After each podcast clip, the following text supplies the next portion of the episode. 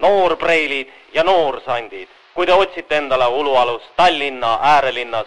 siis on teile pakkuda maitsekad korterid kaunis Kalamaja linnaosas. toakestes on kenad ahjud, koridori peale on veetud ka moodne veevärk. kemmergud asuvad kenasti varjatult hoovinurgas. ole nagu suur sakk, aga taskukohasemalt. ela Eesti elusid. Eesti Rahva Muuseum avatakse esimesel oktoobril Kuku Raadios välja öeldud seisukohad ei pea ühtima Kuku Raadio seisukohtadega. Te kuulate Kuku Raadiot.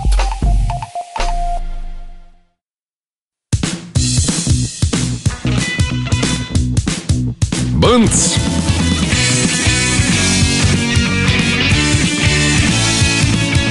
Põnts.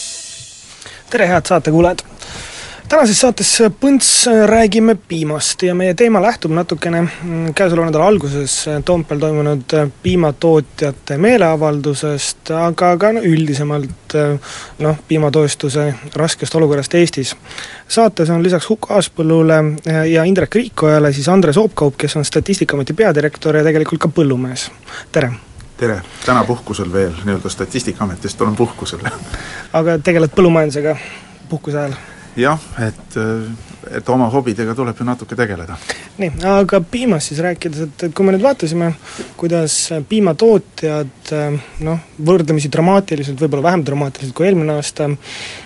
läksid Toompeale ja paigutasid sinna kümme tuhat pudelit piima, milles, millele oli siis peale kantud surnud lehma nimi või hukatud lehma nimi, keda ei oleks siis võib-olla muidu pidanud noh, tapamajja saatma. või Eestist välja müüdud lehma nimi? no sama teeb välja üldiselt, et Eesti nägi seisukohalt dramaatiline küll, välja, aga noh, et kas, kas see on kuidagi õigustatud teie hinnangul nüüd? kas selline dramaatilisus, et selline, et meil Eestis kohe lõpeb piimatööstus ära, et, et või piima tootmine ära, et, et kas see, kas see on ka niiviisi päriselt? ma ei tea, mina küll ei julgeks ütelda, et ära lõpeb, et selles mõttes ma nüüd nii dramaatiline ei oleks, aga ma arvan, et millest põllumehed eelkõige ikkagi räägivad, on ju see, et meie Eesti põllumeeste konkurentsivõime teiste riikidega võrreldes langeb ja langeb kiiremini kui teistel. no tegelikult on see dramaatikaks siiski on, on nagu omajagu põhjust, et see kümme tuhat kümme tuhat lehma, kes Eestis on vähemaks jäänud ühel või teisel põhjusel, on nüüd circa kümme protsenti Eesti, Eesti piimalehmakarjast. Need lehmad on tõepoolest maailmatasemel, maailmatasemel piimaandjad oma piimatoodangu, nende piimatootmise efektiivsuse ja kõige selle poolelt ja noh, kui me katsume selle üle kanda nagu mõnda muusse valdkonda, et kui kümme protsenti õpetajaid kaoks kahe aastaga Eestist ära, siis äh, ma usun, et poliitikud äh, ja väga paljud inimesed nimetaksid seda katastroofiks või kümme protsenti, kümme protsenti äh, turismisektorist kaoks ära kahe aastaga, tegelikult ükskõik missugusest valdkonnast kümme protsenti kaoks ära, siis see oleks, siis see oleks, kui nüüd mitte katastroof, siis igal juhul väga traagiline. ei no aga kui me räägime siin noh, tootmise vähendamisest, siis me noh, tegelikult ju ei saa mööda minna sellest, et me ei ole siin Eestis üksinda. me oleme osa väga suurest Euroopa Liidu turust ja Euroopa Liidu turg on omakorda väga, noh, osa väga suurest maailmaturust ja ja tegelikult see piima hinna langus ja see surve piimatootjate marginaalidele on universaalselt üle terve maailma samamoodi tõsi. et meil on tegelikult näha olnud ju piima hinna langust üle Euroopa, üle maailma, meil on suured piimatootmisriigid Euroopas, noh ma ei tea, Saksamaa, Holland vähendanud piimakarja, vähendanud piimatootmist, et see ei ole mingisugune Eesti spetsiifiline asi, me ei noh, jah, me võime siin ju rääkida, et meil on siin ka väga halvasti tänu Vene sanktsioonidele ja nii edasi, seepärast et noh, see on ka tõsi, aga, aga universaalselt ei lähe kuskil praegu piimatootmises väga hästi ju raske selles mõttes kommenteerida, et loomulikult me oleme väga suure, suure turu väike osa ja tegelikult mina ikkagi tahaks tulla tagasi selle juurde, et ega ma ei taha vastu vaielda, et kümme protsenti on, on väga suur osa. tegelikult me, me sisuliselt mängime ju maha oma, oma konkurentsieelist. et mina arvan ikkagi jätkuvalt seda, et piima tootmine tõenäoliselt otseselt ei kao ta väheneb ja tõenäoliselt jääb Eestis näiteks Eestist välja viidava piima kogus palju väiksemaks, ekspordisummad vähenevad ja Eesti kaotab sellega konkurentsieelist kellelegi teisele. ükskõik, on see Poola, on see Saksa, on see Iirimaa, mis iganes. ei no ja, küsimus on nagu selles, et, et jah, me võime rääkida sellest, et äh, mujal Euroopas ka vähendatakse vähendatakse karju, karju ja nii edasi, Eestis on, Eesti piimatootmisel on nii-öelda kaks negatiivset mõjutegurit korraga kokku langenud, üks asi on see piimaturu piimaturu nii-öelda üldine madalseis, aga siin ei tohi unustada, et ega seda madalseisu on olnud varem ka ja, ja läbi ajaloo kogu aeg piima tootmine, nagu te kõik, nagu kõik enamus muudki majandusharud, ega nad ongi nagu tsüklilised. aga me peame vaatama neile protsentidele otsa kui Eestis väheneks piimatootmine proportsioonis nii-öelda teiste riikidega, siin Läti-Leedu mhm. puhul on toodud näide, eks ole, et seal kuus protsenti, aga me leiame Euroopast ka näiteid, kus kus vastupidi, nii-öelda piimalehmade arv on kasvanud, et äh, see kümme protsenti proportsioonis on väga palju suurem sellest, äh, mis toimub teistes riikides ja, ja see tõde või noh, see tõde ja, ja see lihtsus, miks see Eestis nii suur on, on see, et kui nii-öelda teised riigid, kõik need riigid, kes meid ümbritsevad, kus piimatootjad on samasuguses olukorras, siis seal tuleb, siis seal on riik tulnud appi, on need siis Ida-Euroopast top-up'i, top-up'i toetused, eks ole, mida nii-öelda lisatoetus piimatootjatele siis? ei, mitte lisatoetus ainult piimatootjatele, vaid tegelikult kogu põllumajandussektorile, et tasandada nii-öelda siis nende riikide ühtset pindalatoetuse vahet Euroopa Liidu keskmise ja, ja, ja kõrgemate riikidega. siis kõik nii-öelda teised riigid on seda täiendavat tuge, neid täiendavaid meetmeid Eestisse juurde andnud, Eesti Eesti valitsus, Eesti riik seda ei tee ja noh, kui me võtame põllumajandusministri väljaütlemised kas või nädala alguses, siis noh, Urmas Kruuse on on, on selline nagu tore mees, aga nendest väljaütlemistest, mis tema suust tulid, noh ei peegeldunud küll mitte grammigi eest seda, et põllumajandusministrit, tema koduerakonda ja tegelikult seeläbi ka valitsust reaalselt ja sisuliselt tegelikult huvitaks see, mis põllumajanduses nagu tänasel hetkel toimub, et need mured neile ka tegelikult korda läheksid, et mured võivad ju korda minna, aga noh, raha ei ole kindlasti selle jaoks ette nähtud praegu, see ei ole rahaliselt prioriteet riigieelarvest. ei noh jah, aga praegu ei ole nagu rahalisi prioriteet, aga kas siis äh, ega noh, me räägime näiteks selle top-up'i kontekstis pisut vähem kui kolmekümnest miljonist eurost aastas, eks ole, mis nii-öelda Eesti võiks top-up'ina juurde maksta, mida põllumehed on küsinud, oleme siiski ausad, eks ole, nädal tagasi me rääkisime siinsamas stuudios, eks ole, Haigekassa eelarvest ja tegelikult nagu jõudsime tulemuseni, et kolmkümmend kolm miljonit, mis räägitakse Haigekassast nii-öelda poole aasta puudujäägist, et, et, et see selles kontekstis ei ole kuigi suur summa, tegelikult riigi seisukohast ka kolmkümmend miljonit kolmkümmend miljonit eurot äh, täiendavaks top-up'iks ei ole riigi jaoks üle käi-, üle jõu käiv summa, küsimus on jälle nendes nii-öelda prioriteetides seda, kas, kas seda tahetakse prioriteediks pidada või mitte, kas tegelikult saadakse aru sellest, et mis asi see põllumajandus ja mis asi see toidu tootmine siis on, räägime sellest, et toiduga tootmise ja isevarustatuse tase ja nii edasi, nii edasi, nii edasi, et piima tootmine jah, eraldiseisvana tõepoolest, eks ole, piima toodetakse paranda mind, Andres, circa kaks korda rohkem, kui Eestis tarbi-, tarbitakse, eks ole, aga, aga tegelikult see piima tootmine, ega see on nii-öelda, see on osa põllumajandusest, et, et nii-öelda piimatootmise vähenemise läbi satuvad löögi alla ka tegelikult paljud teised põllumajandusharud, kus meil ei ole see, see nii-öelda isevarustatuse tase nii hea ja kui me vaatame sinna kõrvale, et, et Eesti põllumajanduses tänasel hetkel, eks ole, küsimus ei ole ju mitte ainult piimatootmises, samamoodi väga sandis seisus on on seakasvatuse, seakasvatus, eks mm -hmm. ole, ja noh, ka teraviljakasvatajatel ei ole see no, kuigi hea aasta olnud, eks ole, aga, aga noh, okei okay,, see on nii-öelda noh, see on niisugune ilmastik ja nii-öelda objektiivne. Jah, sa viskasid siin hästi palju teemasid üles, aga ma tahaks sinuga noh, paljudest nendest võib-olla pikemalt rääkida, aga teeme siinkohal pausi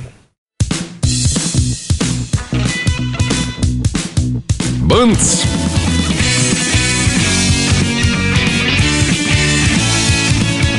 Põnts. jätkame saatega eetris Uku Aaspõllu, Indrek Riiko ja Andres Oopkaup. ennem äh, reklaami äh, sa siis tõstatasid terve portsu teemasid, mille peamiseks osaliseks sisuks või noh, kui ma hakkan nüüd sealt tagantpoolt tulema, et näiteks oli see, et, et kolmkümmend miljonit riigil on liiga palju põllumaja-, või noh, ei ole nagu mingi raha justkui, mida põllumajandusele leida. aga ma juhiks siinkohal sinu tähelepanu ka sellele, mis selle Haigekassa kolmekümne miljonise miinuse likvideerimise ettepanek oli, et see oli haiglatelt see raha nii-öelda kokku korjata või ära võtta tegelikult. et noh, iga euro on noh, tundub vähemalt niiviisi arvel, et, et meil ei ole võimalik noh, igalt poolt seda kolmkümmend miljonit leida. omaette küsimus on, et võib-olla jah, me peaksime otsima, võib-olla me peaksime, ma ei tea, kuskilt selle raha ära võtma, kuskilt selle raha ikkagi nagu saama ja paigutama sinna, aga noh, mis on siis meie eesmärk, eks ole, meie eesmärk on esialgu eeldatavalt äh, vähemalt mis puudutab piimatootmist, siis ähm, elada üle ilma suurt äh, tootmisvõimsust vähendamata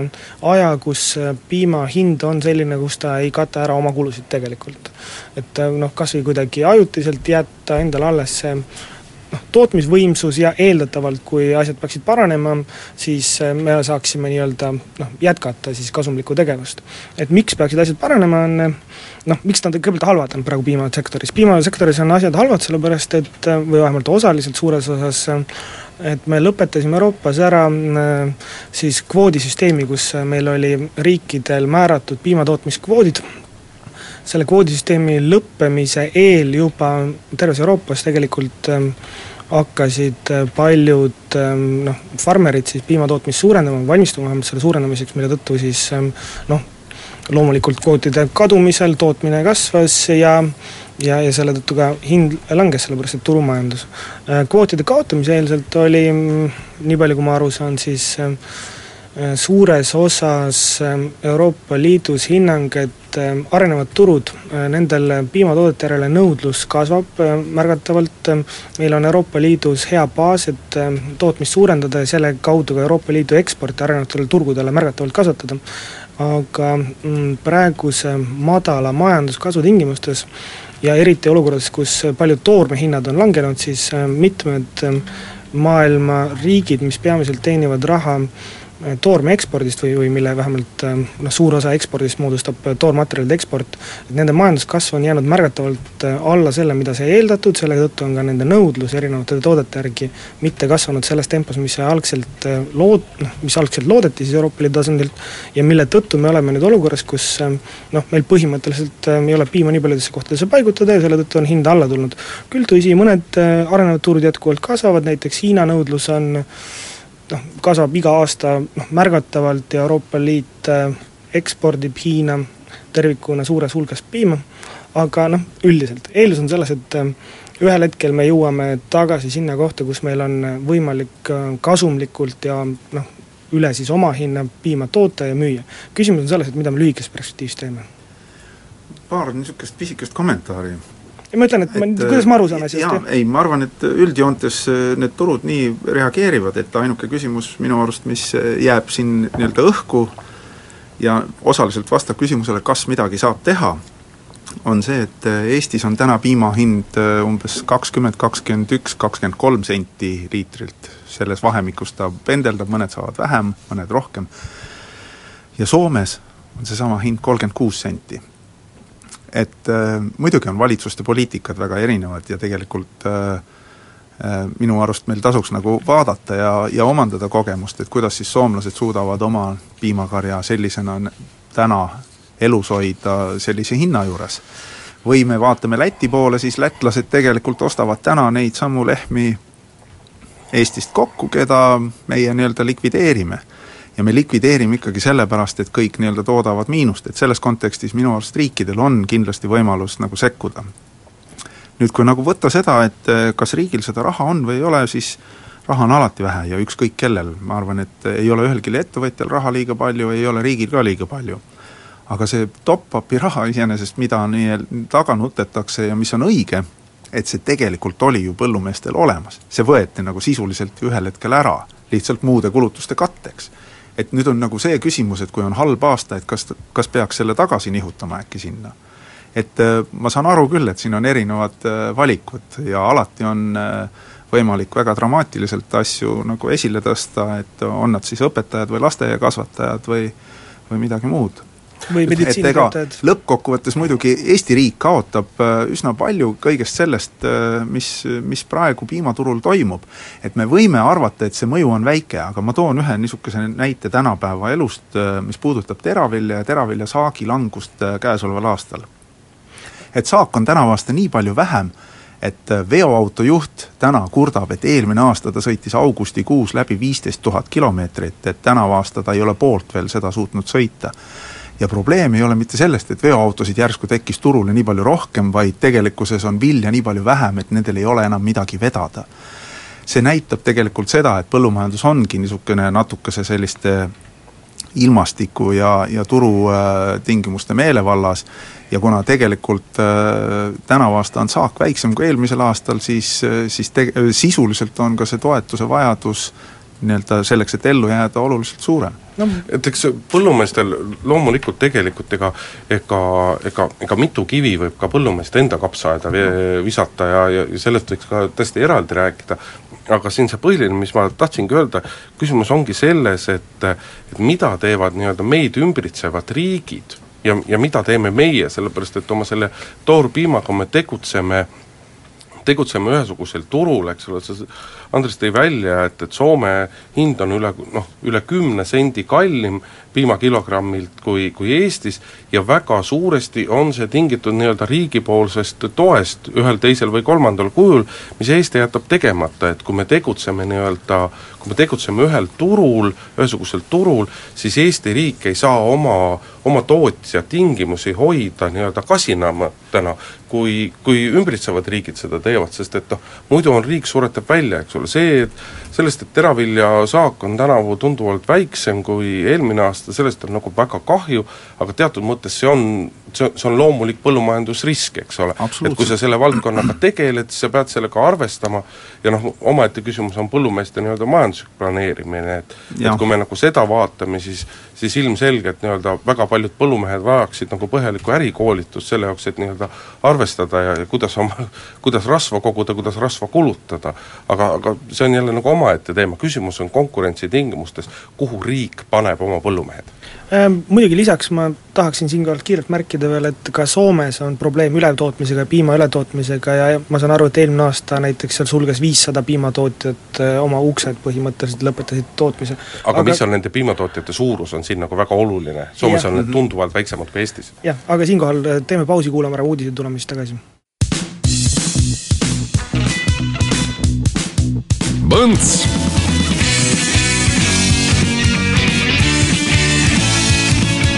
Põnts jätkame saatega, eetris Uku Aaspõllu, Indrek Riikoja ja äh, Statistikaameti peadirektor ja põllumees Andres Oopkaup. aga äh, räägiks siis veel natukene Soome teemadel, kui me siin ennem uudiseid sellel teemal peatusime, et äh, Indrek, et Soomes on keskmine kari muidugi palju väiksem, eks ole. et seal on keskmine kari kakskümmend lehma, ehk siis noh, mingi pool tuhat, pool tuhat piimatootjad, kes on seal uksed sulgenud, et see võiks noh, justkui keskmise järgi arvutades äh, olla seal noh, mingi tuhatkond, eks ole äh,, midagi sellist, eks ole, äh, lehma, mis Eesti mõistes on äh, mitte midagi või, või noh, kui palju me siin karja vähendame, et see on nagu võrdlemisi marginaalne. Aga no teine pool minu arust, mis Soomes on oluline, on see, et Soomes on väga, väga tugev äh, ühistu ja, ja minu arust on, on see ühistu ka noh, nii-öelda riigi poolt äh, väga hästi aktsepteeritud, äh, ehk riik on loonud nagu tingimused sellise tugeva ühistu tekkimiseks. ja mis, miks see ühistu oluline on see, et äh, kui ma meenutan, siis kuskil nädal-poolteist tagasi oli, oli siin diskussioon sellest, et miks ikka kaubandus meil Eestis noh, nii-öelda seda piima hinda ei tõsta või, või kilepiima hinda, et miks see peab olema kolmkümmend neli senti poes ja tegelikult äh, kauplus ütles, et aga mis me, mis me ikka teeme, et tööstused tulevad ja nii-öelda pakuvad, et äh, kui nüüd Soomes on üle üheksakümne protsendi piimast toodetakse Valio piimaühistus, siis tegelikult äh, reaalselt niisugust meeleheitlikku allapakkumist tegelikult Soome turul ei tekigi ehk tegelikult ühtepidi see ühistu töötabki nii, nagu ta peab, et ta töötab tootjate kasuks ja hüvanguks ja teistpidi iseenesest see hoiab äh, Soome jaekaubanduses ka hinnad äh, selle võrra tõenäoliselt normaalsemad, et, äh, et see raha nii-öelda jõuab ka põllumajandustootjani. ei no vaata, aga millest sa hetkel räägid, on tegelikult noh, monopoolne turusituatsioon. ta ei ole päris monopoolne, aga, aga, no, aga sisuliselt ikka. jah, aga loomulikult monopol võim-, võima-, noh, monopolil on võimalik hindu dikteerida. täna on monopol tegelikult, tinglikult monopol on ju täna jaekaubanduse poole see ei peal. ole päris tõsi, sellepärast et no ma, mitu suurt ketti meil on? meil on neid viis tükki, eks ole. Et see on niisugune noh, oligopoolne turg Nii. kindlasti ja jaemüüjal on väga tugev turupositsioon, selge. et, selles mõttes iga kord, kui kauplus ütleb, et ma korraldan nüüd uue pakkumise, pakkuge oma hinda, siis siis sa pead kogu aeg nii-öelda mängima, loomulikult, aga see ongi- ühest visatakse välja, sa pead teise kindlasti sisse saama, sa pead alla pakkuma. vaadake, see ongi nagu loom-, noh, niisuguse turu toimimise loogika, eks ole, et meil on siin konkureerivad äh, piimatootjad, eks ole, omavahel, konkureerivad piimatööstused omavahel ja tegelikult konkureerivad ka jaemüügiketid omavahel, eks minu, ole. minu hinnangul meil on tööstuseid oluliselt rohkem, ehk tegelikult to-, tundub niimoodi, nagu pakkumine on oluliselt suurem kui, kui nõudlus ja selle, selles kontekstis toimubki äh, nii-öelda allapakkumine ja, Ja ja ei, see tegelikult on turutõrge, mina ütleks teistpidi no mina ei nimetaks seda turutõrkeks, ma ütlen, et, et siin on, see on loomulik turu toimimise loogika. et kui meil on pakkumine suurem kui nõudlus, noh näiteks meil on piimatootjad, eks ole, need pa-, tahavad oma piima kuskile paigutada, seepärast sulle iga päev tuleb see piim kätte, sul ei ole seda kuhugi panna. kui äh, nüüd töösturitel ei ole omakorda seda kuhugi panna, et siis nad survestavad loomulikult äh, kõiki asju ja siis see on äh, noh, loomulikult turg niiviisi toimib. ja lõppude lõpuks ei ole vahet, mis hinnaga jaemüüja seda piima müüb. meil võib poes see piim maksta ka üks euro, aga kui piimatööstused on nõus poodidele seda piima andma seal noh, ma ei tea, kolmekümne sendiga, et siis noh, see ei jõua kuidagi nende põllumeesteni, noh ta ei, aga ta see, ei peagi jõudma. ahel on ju üks tegelikult, et kui sa ahela otsast vähem sisse tilgutad, et siis No see no, ahel- tootjani jõuab ju Ja- palju vähem. ei no aga Ja see ahel töötab teist, teistpidi. ei no jaa, aga vaata, siin ongi see küsimus, ongi selles, eks ole, et et Soome näide on selles, kus valija käes on ja valija ei ole ju mitte ainult nii-öelda ühistuline töötlemisettevõte, vaid, vaid üks see nii-öelda, üks üks edu võtmeid on see, et see, et see valija läbi oma nii-öelda omanike, kes on needsamad piimatootjad, ta kontrollib ju kogu lüli alates äh, nii-öelda vasika kasvatamisest, eks ole, vasika sünnist, kuni piimapaki jõudmisest poeni mm. -hmm ehk, ehk see on kõik ühe omaniku käes, et seal ei ole vahepeal väga mitut lüli, kes igaüks mingisugust oma seibi tahab endale saada. Aga see on see on üks küsimus, teine pool on see, et äh, et, et Soomes on see näide ligi üheksakümmend protsenti, kui me võtame nii-öelda muu Euroopa näited, siis siis see, seesama ühistuline tegevus ja tugevad tööstused, mis kuuluvad piimatootjale, need on väga levinud ka teistes riikides. see kõik on nii-öelda riigipoolse toetuse ja regulatsiooni küsimus, et see ajalooliselt niimoodi on tekkinud. Ja, ja vot nüüd selles olukorras Eesti teistsugune süsteem ongi see, mis nii-öelda tegelikult, mis, mis on tegelik turutõrge, sellepärast et see läheb selle laiema turu mängureeglitest erineb niivõrd palju ja see teeb Eesti, Eesti olukorra raskeks. loomulikult on siin Eesti tootjad ise ka, ma pean piimatootjaid silmas, ka ise selles mõttes süüdi, et noh, meil siin viimastel nädalatel palju, on palju juttu olnud sellest, kuidas riigil on jälle viisteist viisteist miljonit riik on pannud nii-öelda justkui ühistulise piimatööstuse toetamiseks, toetuse meetmeks. oleme ausad, erinevad summad ühistulise ühistulise piimatööstuse jaoks on tegelikult sees olnud riigieelarves erinevatel kujudel juba seitse-kaheksa aastat, kui mitte isegi kauem, Andres, sina tead seda täpsemalt, ja Eesti põllumehed on olnud või Eesti piimatootjad on olnud siiamaani need, kes ei ole võt-, julgenud võtta seda riski, et selle rahaga midagi, midagi pihta hakata. ja, ja see on kahtlemata piimatootjate enda väga suur miinus ei No no, see- räägita ju sellest, et tingimata tuleb ehitada Eestisse üks uus tööstus. võib Ei osta ära ka mõne Loomulikult. olemasoleva tööstuse täiesti, mis oleks täiesti loogiline, mis annaks põllumehele nii-öelda su- suurema võimaluse konkuree-, kontrollida seda ahelat ja tegelikult kõiki neid seibe, mida praegu võtavad erinevad eh, ettevõtted oma kasumina välja ja me ei saa väita, et näiteks piimatööstused oleksid vähem kasumlik või väga kehvasti käe, väga kehva käekäiguga ettevõtlusvaldkond, ma pean just nimelt tööstusi silmas, see on kaugelt muu. tööstused on täiesti normaalselt kasumis, kui ees- mõne üksiku erandiga noh, seda enamus kohtades on ikkagi normaalsed ja mõistlikud omanikud, nimesid nimetamata. mm. -hmm. aga ma tahan ühe asja ära parandada, mida, mida Uku ütles, või vähemalt ühe loogika, et eh, valija tegelikult ei ole turul siiski eh, monopoolses seisus. ehk Euroopa Liidu ühisturg on ikkagi üks Jaa. et selles kontekstis ei saa valija nii-öelda lõputult hinda tõsta. et põhi, põhiküsimus on see, et seal ongi see ahel, on äh, tootjate poole pealt nii efektiivseks timmitud ja põhimõtteliselt seal äh, nad konkureerivad tegelikult ainult välise piimatootjaga, kusjuures meie ka põhimõtteliselt siin Eestis ikkagi konkureerime lätlaste, leedukate ja poolakatega ja, ja nii edasi. ja, ja, ja väga, ja, ja ei, ka Soome mõistes siiski väga tugevalt konkureerivad, sest et Soome, Soomes on kaubanduskette ka, eks ole, kaks või kolm suuremat kaubandusketti, kes väga tugevalt arendavad oma nii-öelda seda private label'it ehk no, müüja kaubamärki. me jõuame nüüd sinna, eks ole, et Lidl see... tahtis Soome sisse minna, oli paar aastat ja minu teada ta no, tänaseks panevad paari, paari poega on veel alles, panevad tasakesi oma uksi kinni. uksi kinni. aga, aga see nii-öelda see private label on ikkagi Soome piimandusturul ka üksjagu tugev tegu, tegutseja ja nüüd selle private label'i tootmisega on ikkagi nii-öelda väga selge konkurents ja sellel turul näiteks Eesti tööstused mängivad ikkagi nii-öelda päris aktiivselt osalevad, kord läheb neil seal paremini, kord läheb neil seal kehvemini, eks ole, aga, aga, aga seal on väga selge konkurents olemas, et et ei ole ole, et valija küll justkui üheksakümmend protsenti, aga et ta nüüd täielikult dikteerib hinda, tegelikult seda praktikas ei ole. no mina arvan, et natukese selle asja juures on ka see siiski, et riik äh, mõnevõrra nii-öelda seda ühistulist tegevust äh, noh, nii-öelda tolereerib ja toetab, et äh, meil, meie räägime umbes sellises võtmes konkurentsireeglite rakendamisest Eestis, et nii kaua, kui tarbija võidab, las põllumehed või siis ütleme, ettevõtjad taovad omal ninad veriseks ja ma arvan, et see on Konkurentsiametil, mina arvan, et on vale seisukoht. et tegelikult Konkurentsiameti roll oleks tegelikult vaadata ka ettevõtjate vahelisi suhteid ja see on üks valdkond, mis Eesti riigis on minu arust täiesti kuidas ma siis ütlen, et äh, nii-öelda seda, sellest vaadatakse tahtlikult mööda, minu hinnangul. jah, ja noh, vaata siin on alati ka see küsimus, et noh, et mis, mis hindadest, asjadest me räägime, siin Ukoga sinuga ennem saadet arutasime, eks ole, mina jõudsin tulemuseni, et noh, minu peres, pere on ka õnneks suur, eks ole, juuakse iga kuu circa sada liitrit joogipiima. meil ka. tuhat kakssada liitrit, üks koma kaks tonni aastas, eks ole. et äh, et kui me praegu, eks ole, piima saab hinnaga seal noh, suurusjärk nelikümmend senti kilepiima, natuke madalam, siis noh, loomulikult ma ei oleks vaimustunud sellest, kui piimaliiter maksaks järsku ühe euro, sest et see nii-öelda mõjutaks mõjutaks rahakotti,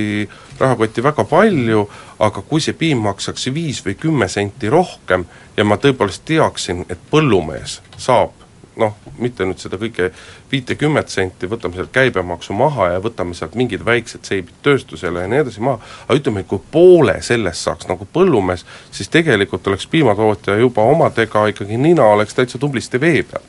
aga teeme siinkohal pausi ja ma vaidlen sulle peale seda vastu Põnts.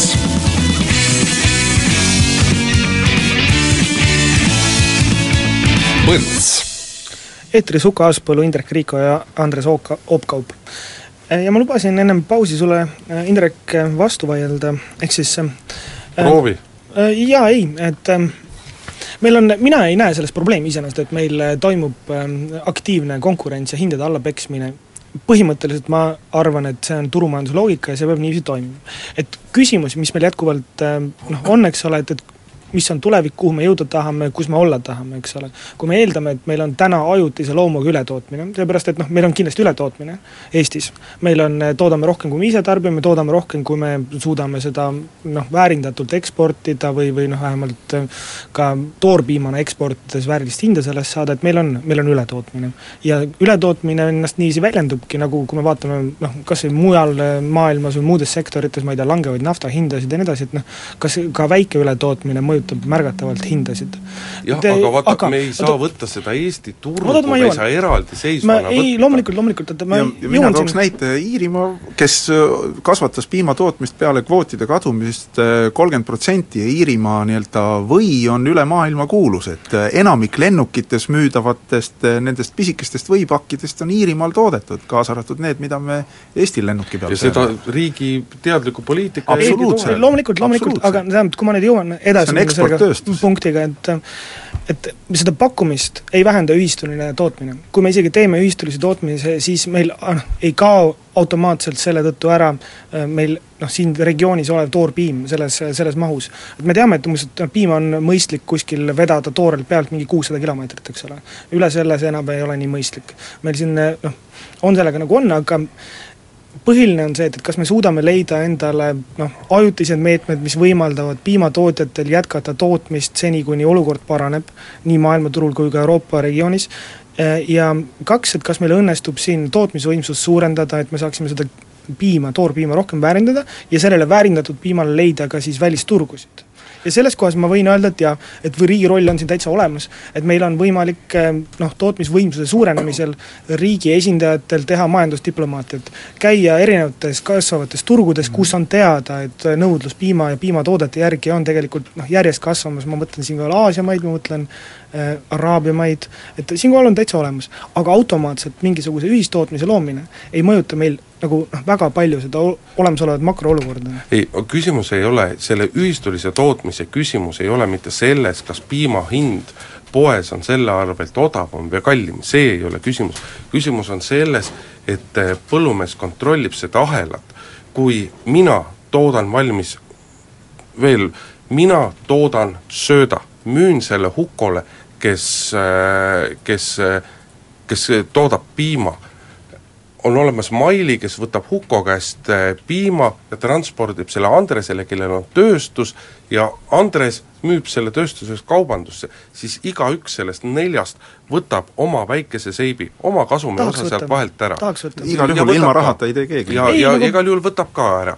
aga kui nüüd kogu see ahel on põllumehe käes, siis kõik need seibid jäävad sellesama põllumehe kätte. ehk nii-öelda see põllumehe enda saadav kogutulu sellest toorpiimast on suurem ja selle arvelt ongi, selle arvelt paraneb põllumehe olukord see ei ole alati tõsi, et sõltub efektiivsusest. kui äh, keegi on keskendunud ühe mingisuguse konkreetse liigutuse läbiviimiseks ja on selle nii-öelda liigutuse lihvinud äh, täiesti, täiesti efektiivseks, millega näiteks põllumehel, kes peab äh, noh, kes ei ole mees nagu orkist-, orkester, vaid kes teeb oma mingit asja väga hästi, ei olegi mõtet siin konkureerida, jah, ta võtab sealt vahelt seibikese, aga kui see efektiivsus ahelas sellest, kes on selle ahela, ahela erinevate lülide omanik. et, et see, see hindadest. see omanik on põllumees, eks ole, tänasel hetkel piimatootmise efektiivsusele Eestis ei saa, ma räägin tootmisest, ei saa küll mitte midagi ette heita, eks ole. meie efektiivsusnäitajad on maailma tipptasemel, meie toodangu näitajad on maailma tipptasemel, et selge on see, et kus see efektiivsusega tekib probleeme, on tööstused, sellepärast et suurem osa mm. tööstusi ikkagi nii-öelda töötab täna tunduvalt madalamal koormusel, kui me tema seadmepark ja kõik see nii-öelda võimaldaks. aga, aga lõpuks on ju küsimus nagu, mis meil vahepeal siin üleval oli, oli see, et kas midagi saab teha, et ma tahaks nüüd, kuna saate lõpp tuleb ka väga Tahaks kiiresti, tuleb väga kiiresti kätte, et siis vähemalt võib-olla meenutaks mõnda lahendust, mis maailmas on, on olemas. Ja mulle tuleb seoses sellega, tuleb meelde Uus-Meremaa ja Austraalia, keda loetakse nagu maailmas juhtivateks nii-öelda piimatootmisriikideks, ühelt poolt sellepärast, et seal on klimaatilised tingimused nii head,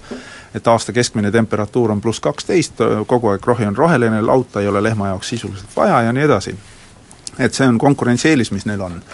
aga mis kasvavad turud on lähedal ka aga, aga mis puudutab nii-öelda riiklikku poliitikat, siis seda küll minu arust tasuks natukese vaadata ja riiklik poliitika oli see, et eh, ühel hetkel ja seda hästi laialt räägitakse, et Uus-Meremaa põllumajandustootjatele ei maksta toetust. et seda tuuakse alati nii-öelda esile, aga seda teine pool sellest lausest jäetakse ütlemata, et teine pool oli see, et riik kaotas nii-öelda toetuste äh, maksmise noh, nii-öelda vastu, kaotas tegelikult ära ka kõik maksud, mis sellele sektorile rakendati. ehk tegelikult nii-öelda riik tõi küll, mõlemad tõi maha, tõi toetused võttis ära, aga võttis ka maksud ära, ehk tegelikult lõpptulemusena ei ole Uus-Meremaa see nii-öelda toetustase sellel piimatootja juures või see raha, rahaline tase ei ole sugugi kehv mis tegelikult tähendab siiski seda, et et maksude alandamisega on võimalik ka sektorile tegelikult tekitada seda vajalikku konkurentsieelist. ma näiteks vaatan siin augusti hindu, Euroopa Liidu keskmist äh, toorpiima hinda, ja võrreldes äh, Uus-Meremaaga, et äh, need on täiesti samas kohas noh, täiesti noh, võrdelised kohad, et kui mul on siin kakskümmend kuus eurot äh, saja kilogrammi kohta Euroopa Liidus, et siis on aga meie oleme siinsamas Euroopa nurgas, kus valdavalt, eks ole, on kolmkümmend, kolmkümmend kaks, kolmkümmend kuus ja siis äh, Soomes me, on no Soomes, ma arvan, et Saksamaal on kolmkümmend ja, ja, ja, ja kui sa vaatad, aga sinna kõrvale oleks õige vaadata ka graafikut selle kohta, et mis on Euroopa Liidu keskmine toetuste tase, põllupiima tootmisele, mis on nii-öelda sisuline noh, samasuguse näite nagu Uus-Meremaa kohta võib ju Hiina kohta tuua, kus samamoodi, eks ole, toidu tootmisele makse ei rakendata, noh nende põhjus oli küll see, et neil on lihtsalt väga keeruline administreerida seda, aga see on ikkagi selge, see on nii-öelda selge toetus olemas. ja kui me võtame sinna nii-öelda kõrvale Eesti näitajad selle kohta, siis, siis me näeme seda, kuidas nii-öelda riigi toetuste erinevus on tegelikult proportsioonis palju suurem kui see toorpiima hin-, toorpiima hinna erinevus ja noh, kus me jõuame, et tegelikult noh, ega Eesti piimatootjad on isegi väga tublid, arvestades seda, kus nad asuvad nii-öelda, milline on nende konkurentsisituatsioon. Oma toodangu müümisele, milline on nende konkurentsisituatsioon riigipoolsete nii-öelda toetuste erineval kujul toetuste näol. vaata, mis on mul probleem selle ühistulise piimatootmisega veel üks asi, on see, et, et selle realiseerumine võtab tohutult kaua aega mm. -hmm. ja kui see on meie riigi ainus selline abikäsi piimatootjatele, siis selle kohale jõudmiseks võib meil väga palju vähem piimatootjaid alles olla. absoluutselt, ja see on väga selge ikkagi, see on nii-öelda piimatootmissektori ja põllumeeste enda suur probleem, on see, et kuigi nii-öelda need toetused ja meetmed on ammu, ammu üle ammu olemas olnud, siis siiamaani ei ole kasutatud neid, noh legendaarne halenaljakas lugu oli omal ajal nii-öelda selle Hiiumaa, Hiiumaa piimatootjate toetamisega, kes, kes kurtsid, kuidas neil on raha, neil, neil on häda, häda, häda neil ja ministeeriumi eelarvel seisis aastaid küllaltki arvestatav summa, millega, aga hiidlased ei suutnud ise kokku leppida, mida selle rahaga teha. et selles no, mõttes väga selgelt on ka loomulikult ka põllumeestes endas nii-öelda probleem. aga, aga sedasama nii-öelda, see on nüüd põllumeestevaheline vaen, et minu arust riik meil täna ikkagi seda põllumeestevahelist vaenu ka natukese õhutab, kui ma meenutan seda nii-öelda äh, põllumajandus- või maaeluministri plaani nii-öelda pindalatoetusi vähendada ja tõsta neid äh, piimakarjakasvatajatele, nüüd no näiteks, see plaan iseenesest on tegelikult on, põhimõtteliselt väga tore plaan. seda küll, nii kaua on ta tore plaan, kui, kui teraviljasektoril läheb hästi, et siis sealt saab ära võtta ja panna teistele. et, et see täna... plaan, ma segan korraks vahele, see plaan oleks väga hea, kui riik suudab operatiivselt teha. pidada statistikat ja operatiivselt no, reageerida, aga praegu teistele... ei paista kuskilt, et riik seda suudaks ja jah, aga see tekitab, te, täna tekitab tegelikult ja. tootjatevahelisi pingeid ja nad veel vähem suudavad kokku leppida oma nii-öelda ühistegevuses, sest keegi saab kellegi arvelt täna nii-öelda parema supi enda. no ega see on seesama, et tegelikult ju kui me vaatame ka seda, mis põllumeeste nii-öelda esindusorganisatsioonide vallas toimub, siis siis ammu kümme-viis, kümme-viisteist aastat tagasi oleks riik tegelikult jõuga pidanud sundima põllumehi korralikku esindus, ühte korralikku esindusorganisatsiooni öö, looma, mitte et nii-öelda esindusorganisatsioonid no, politiseerusid sisuliselt mõistlik oleks kokku leppida, mitte omavahel nii-öelda kakelda, see oleks küll päevselge nii, aga kas meil on veel viima-, viimaseid sõnu midagi öelda, et kui, mida me siis teeme, et äh, kas võiks äh, jätkuvalt äh, noh, mingisuguse otsetoetuse piimasektorisse ikkagi paigutada või? täiendavam, me räägime siis täiendavast, et ega noh, toetused ju mingisugused on tänasel Ei, hetkel olemas, küsimus on ikkagi see, et meil peab hakkab järgmisest aastast kehtima ka no. väikepiimatootjatele siis otsetoetused, kus makstakse lehma pealt aastas erinevalt siis karja suurusest mõnisada eurot äkki no, peast rääkides? ma arvan, et äh, ega kõikidel peaks olema nii-öelda võimalus siin päikese all äh, elada ja tegelikult äh, selles kontekstis ma usun, et kõik see, mida tehakse, on väga hea, et võib-olla mida peaks juurde tegema, et võiks, võiks niipidi mõtelda, et minu arust täna oleks küll hea seda omamaist, omamaise propageerimist nii-öelda riigi tasandil just üles tõsta, sest see tegelikult aitaks ka lõpuks põllumehi, mina arvan, sest hea näide oli kunagi, kui äh, Ivari Padari esimese põllumajandusministriks olemise ajal tehti mahlakampaania ja selle mahlakampaania sisse pandud raha äh, nii-öelda nendesamade mahlatootjate hinnangul teenis riigile käibemaksuna tagasi ühe kuuga kogu raha tuli riigi maksudena tagasi ühe kuuga. võib-olla muidugi see on ka see midagi sellist, mida põllumehed võiksid ühiselt teha ja kui ühiselt aga praegu nad teevadki, aga praegu see kõik ongi põllumeeste nii-öelda esindusorganisatsioonide näol. aga siinkohal me peame saate otsad kokku tõmbama, eetris oli Huko Aaspõld, Indrek Riiko ja Andres Oopkaup, kes on Statistikaameti peadirektor ja ka põllumees. aitäh kuulamast ja kohtume nädala pärast! Põnts